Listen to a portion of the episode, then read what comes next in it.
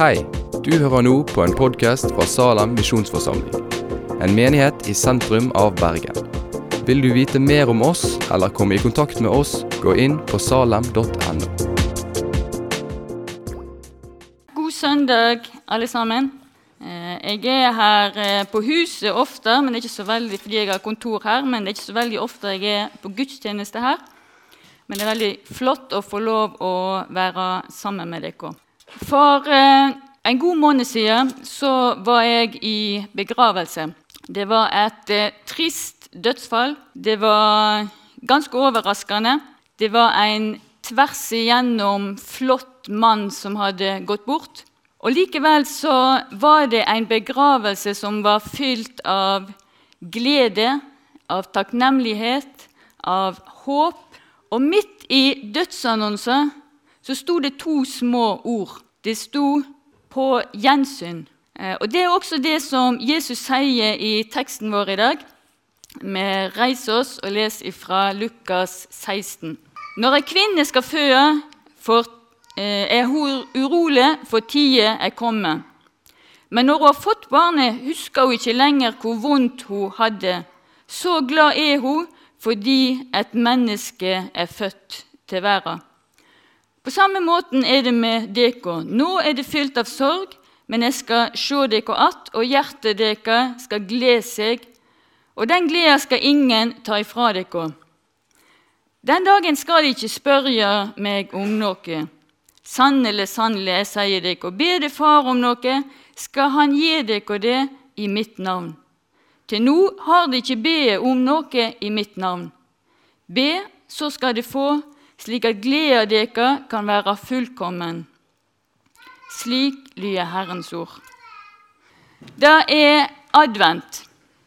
Vi forbereder oss til jul, til fest, til glede. Men så er tekstene fra påskefortellingene. Påske er jo alt annet enn fest og glede. Så kanskje det er ikke så rart at folk reagerer og syns at vi kunne jo hatt noen hyggeligere tekster i denne tida. Jo, kanskje kunne vi det, hvis poenget var at vi skulle minnes det som en gang var. Men advent, Herrens komme, det er så mye mer. Og Sist søndag da snakket Kristian om det at Jesus han kommer til oss i dag. Vi kan få ta imot han i dag. Og I jula så er, Jesus, er fokus at Jesus kom for 2000 år siden. Mens i dag så er fokus framtida. Det at Jesus skal komme att. Han er ikke borte for alltid. Og Derfor så passer det jo egentlig ganske godt med påsketekster i adventstida. For det, de handler jo egentlig om mye mer enn selve påska. Og så har de ofte en dobbel bunn. Rett før det som er teksten vår i dag, så sier Jesus til læresvennene sine at om ei lita stund så ser de meg ikke lenger, og om enda ei lita stund så skal de få se meg att. Det er ikke så veldig rart at læresvennene er litt forvirra. Og så begynner de å spørre hverandre hva er det han mener når han sier til oss om ei lita stund ser de meg ikke, om enda ei lita stund skal de få se meg att. Og det at han sier 'jeg går til far', hva betyr alt dette? Vi forstår ikke hva han snakker om. Så spør de ikke Jesus direkte, men han forstår hva de tenker på og snakker om. Og så forklarer han dem at ja, det skal være sånn. De skal gråte og klage, men været skal glede seg. De skal sørge, men sorga skal vendes til glede. Akkurat som når ved en fødsel. På forhånd så er kvinna urolig, hun kjenner redsel og frykt. Men når det er over, da er det bare glede og jubel. Da er redselen og frykten glemt. Og Bare timer seinere så går dette her i oppfyllelse. Jesus var tatt til fange, han var dømt, korsfesta. Jesus døde, ble gravlagt. han var borte. Og alle trodde jo at det var for alltid. Og mange var glade. Endelig var han rydda av veien. Mens læresveinene de sørgde, for de, for de var tapet enormt. Men så var han ikke borte for alltid. De fikk snart se han att.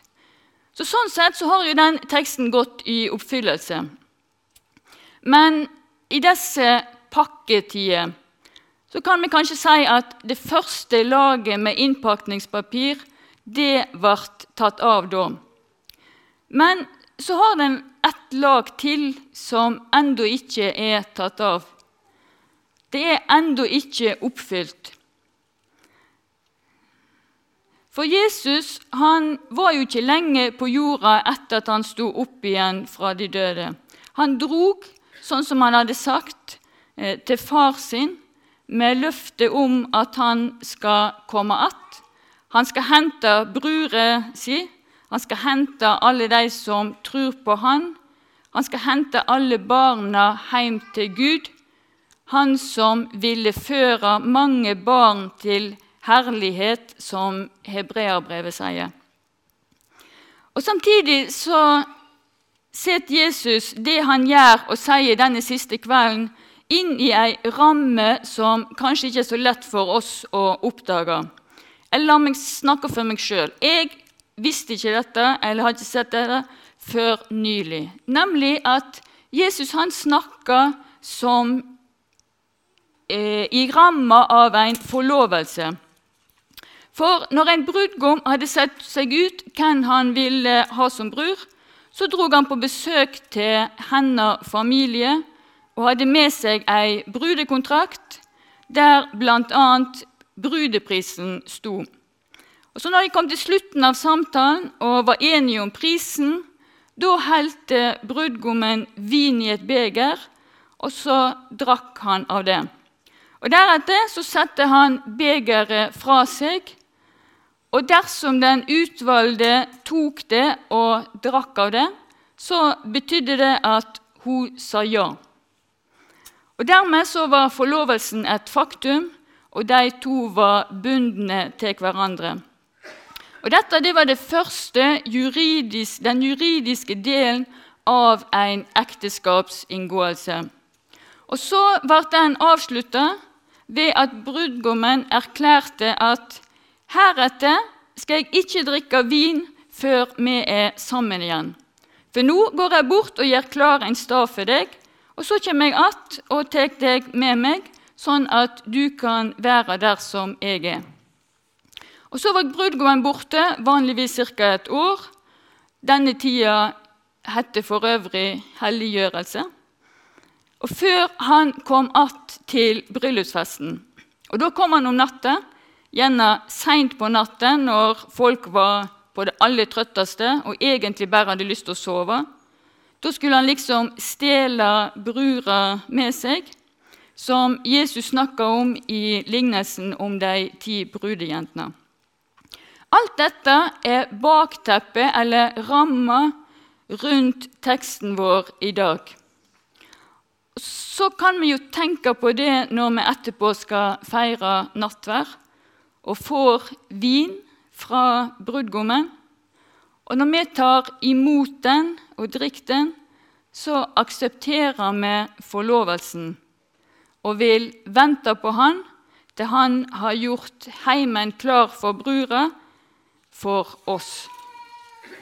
Det var altså dette læresveinene hørte Jesus si denne kvelden, siste kvelden ved påskemåltidet.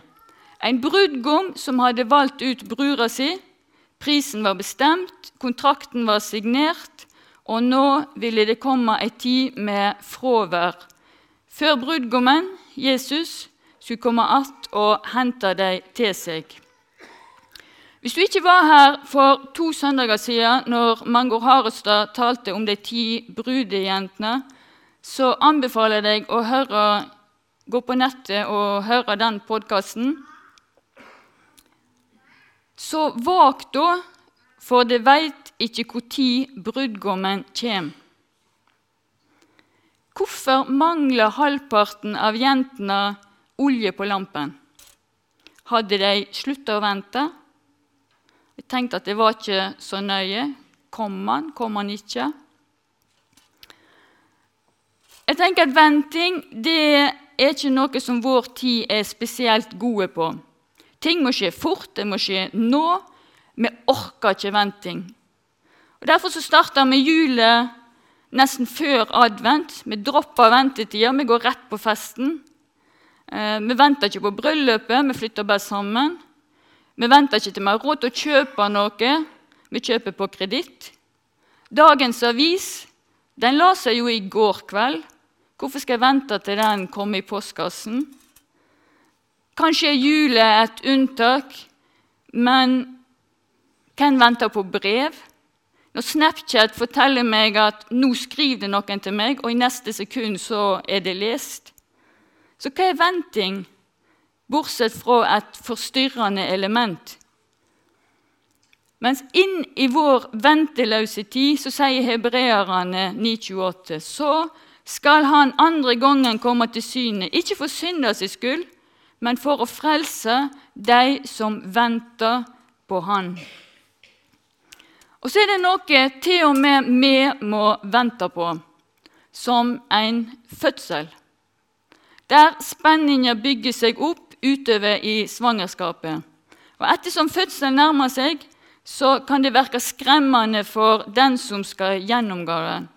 Mens etterpå så er det vonde glemt. Da er det bare glede og jubel. Og Dette eksempelet er det Jesus bruker eh, for læresveinene. Bare timer før han sjøl var tatt til fange, dømt til døden, han har vært piska, håna, korsfesta. Jesus prøver å forberede dem på dette, at han snart, om en liten stund, så vil han gå fra dem. Men om enda en liten stund så skal han være sammen med dem igjen. Han forbereder dem på at de skal leve, oppleve kamp og sorg, men at etterpå så skal de kjenne ei stor glede.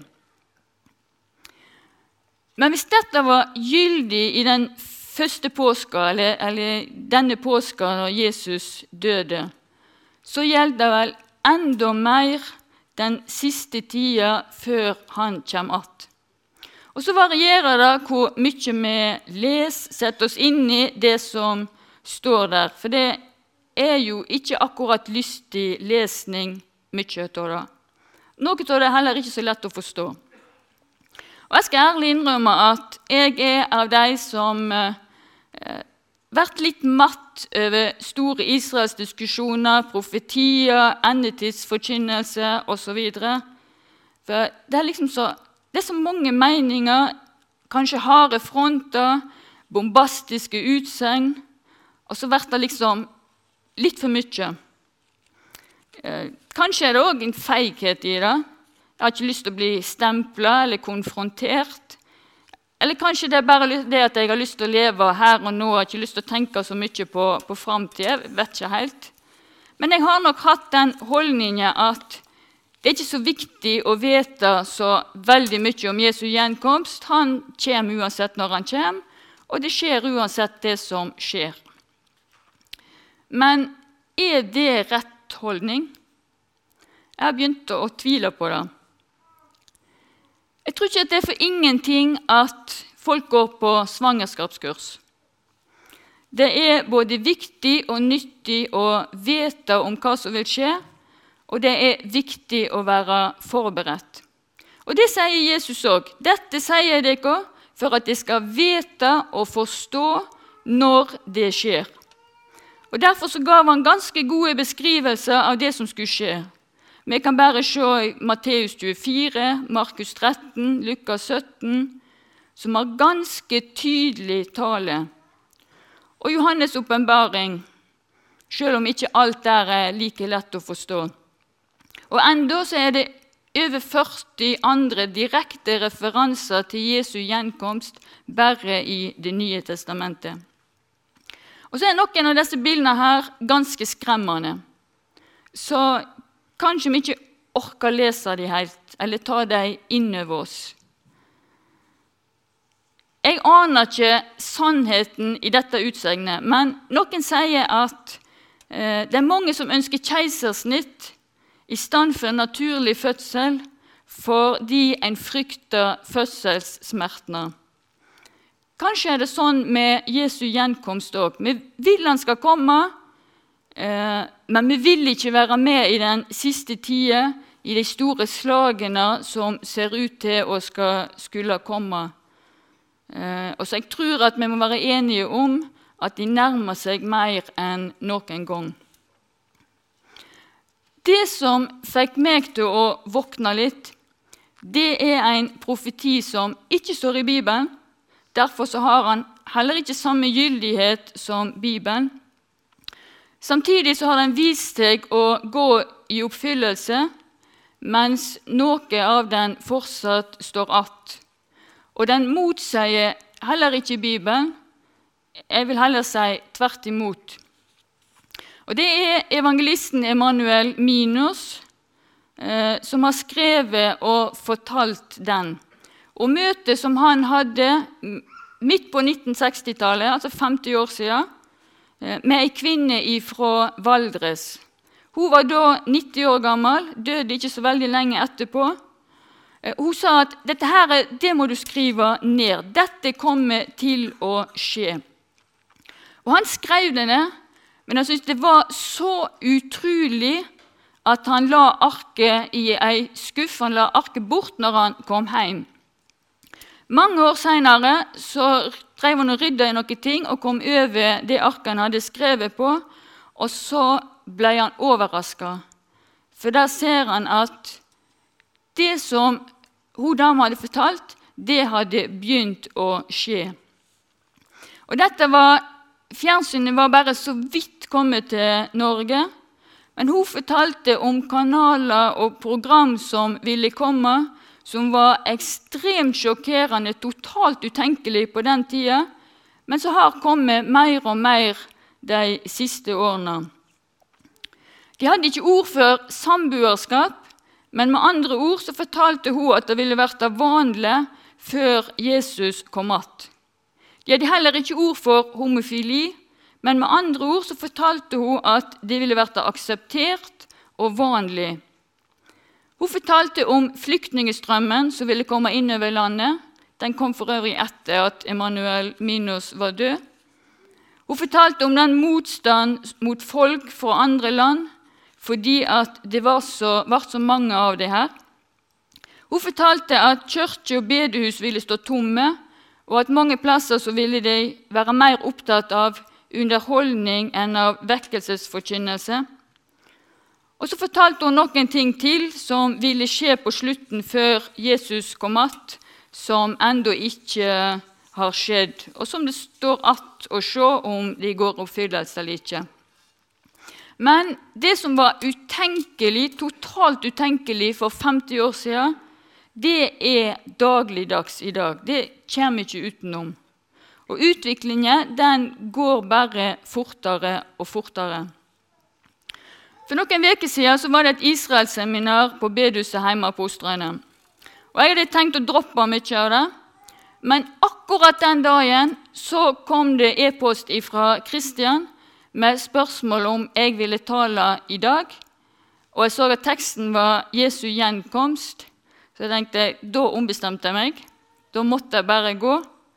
Og så fikk jeg en interessant time om hvordan alle kurver som omhandler de ulike tegnene som Bibelen sier skal skje før Jesu gjenkomst, hvordan de i alle år inntil 1950 ca. de var helt flate. Det var ingen variasjon fra år til år. Men ifra da av så begynte de å stige markant. Og i dag så går kurven rett opp. Det være seg naturfenomen, forfølgelser, vold, naturødeleggelser, kunnskap, teknologi, villfarelser, for å bruke et kanskje feilt ord, jødeforflytninger tilbake til Israel, og ikke minst utbredelsen av evangeliet. Kanskje et av de sikreste tegnene på at Jesu gjenkomst nærmer seg. Og vi kan bare tenke oss sjøl. Eh, både misjon har hatt et helt annet fokus de siste hundre årene. Eh, og i dag så hjelper teknologien til òg, sånn at det er jo knapt noen att som ikke kan høre evangeliet om Jesus i dag. Og så kan vi bli skremt av alt som skjer. Vi kan bli urolige for det som ligger framfor. Og hvis resten av det som Valdreskvinna sa, går i oppfyllelse, så har vi i Norge og Europa ei tøff tid framfor oss. Samtidig så sier Bibelen, bl.a. i dagens tekst, den er veldig klar på at når alt dette skjer, da skal vi ikke frykte. Da skal vi ikke være redde, men da skal vi rette oss opp, løfte blikket og glede oss. For da vet vi at dagen er nær. Frihetsdagen. For en kristen så er Jesu gjenkomst en befriende dag. Det er bryllupsdagen, det er fødselsdagen, det er da svangerskapet tar slutt, da smertene er voldsomme, men bare for ei kort tid. For etterpå så blir det vonde glemt, for gleda er så veldig mye større over å få være en hel evighet i Guds nærhet. De første kristne de venta veldig på at denne dagen skulle komme i deres levetid.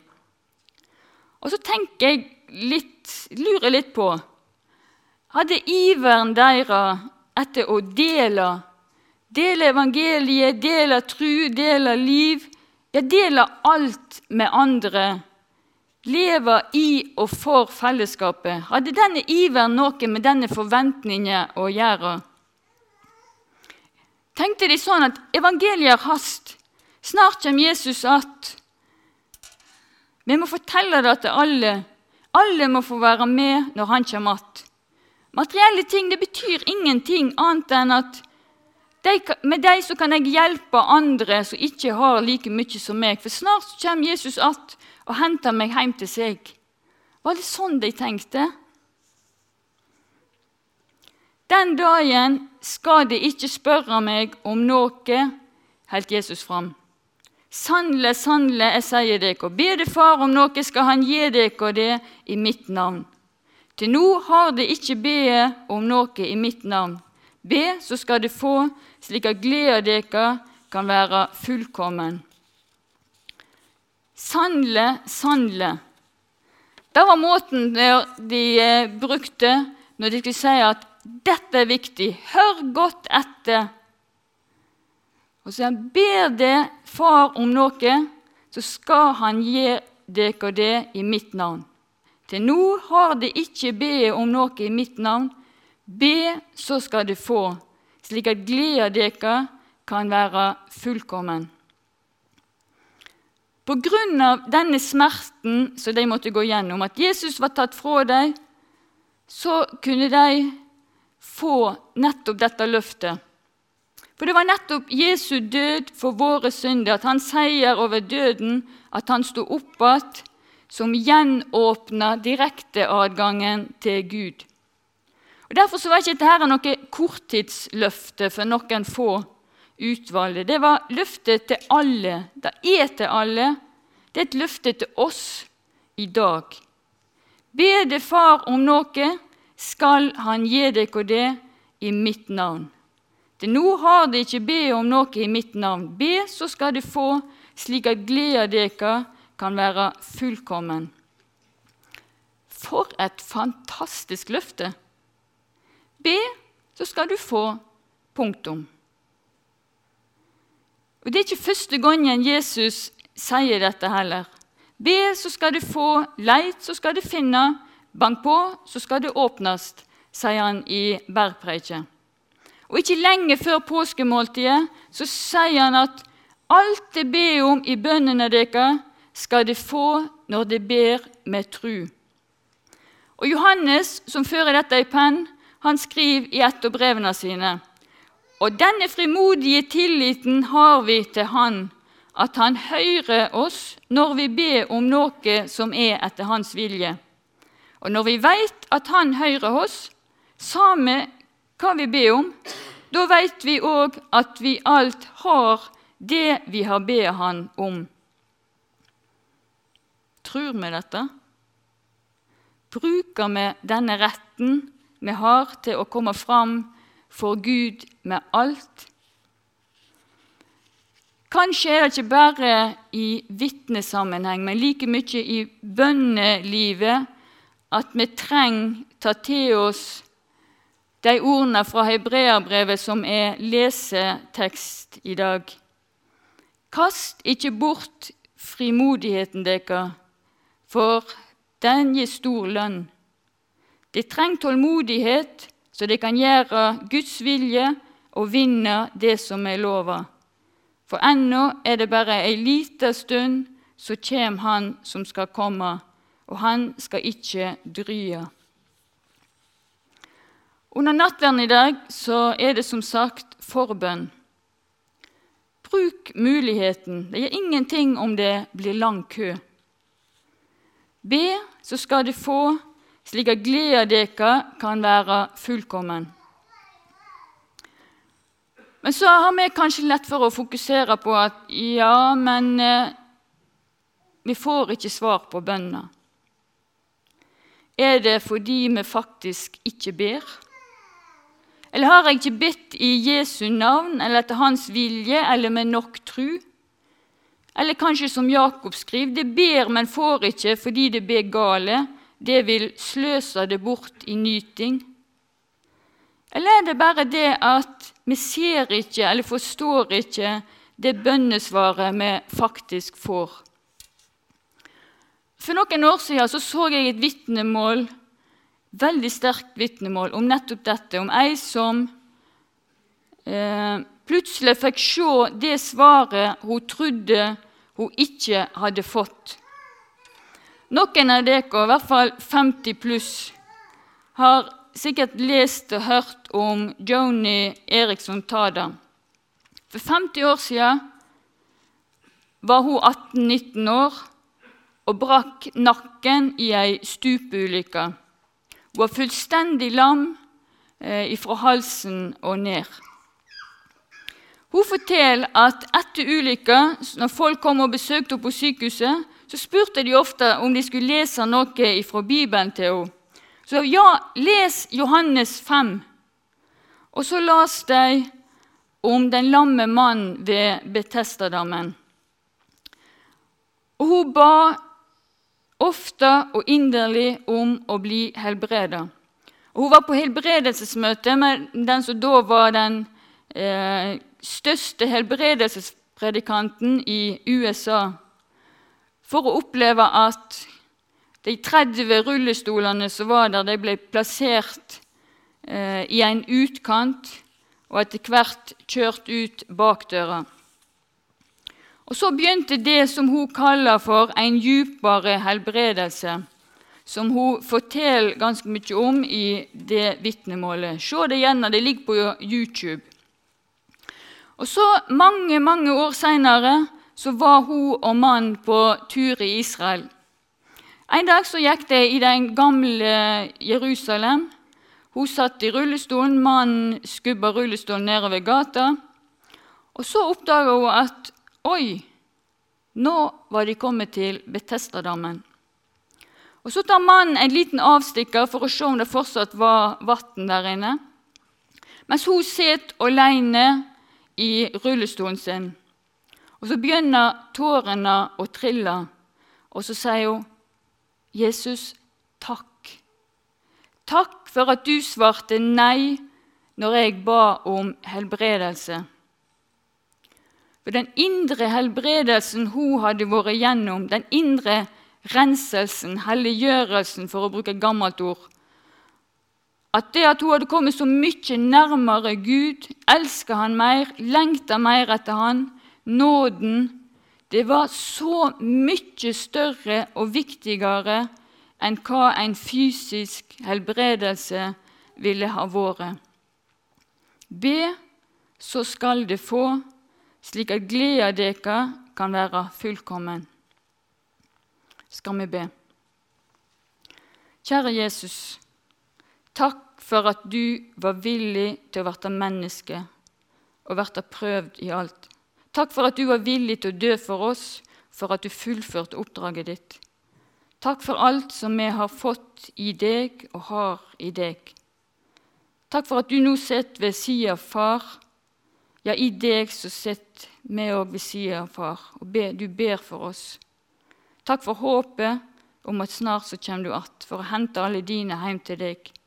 Jeg ber om at du bevarer oss alle hjå deg, sånn at vi når helt hjem.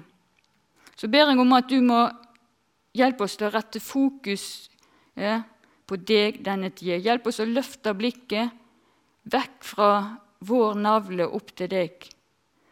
Så ber jeg om at du hjelper oss å se alle rundt oss som ikke kjenner deg ennå, men som du elsker, som du ønsker å nå fram til gjennom oss. Takk for bønneretten og de store løftene som du har knyttet til det å be. Jeg ber om at du drar oss tettere inn til deg, ta oss på fanget ditt. Lær oss å be med tru etter din vilje. Vi ber i ditt navn. Amen.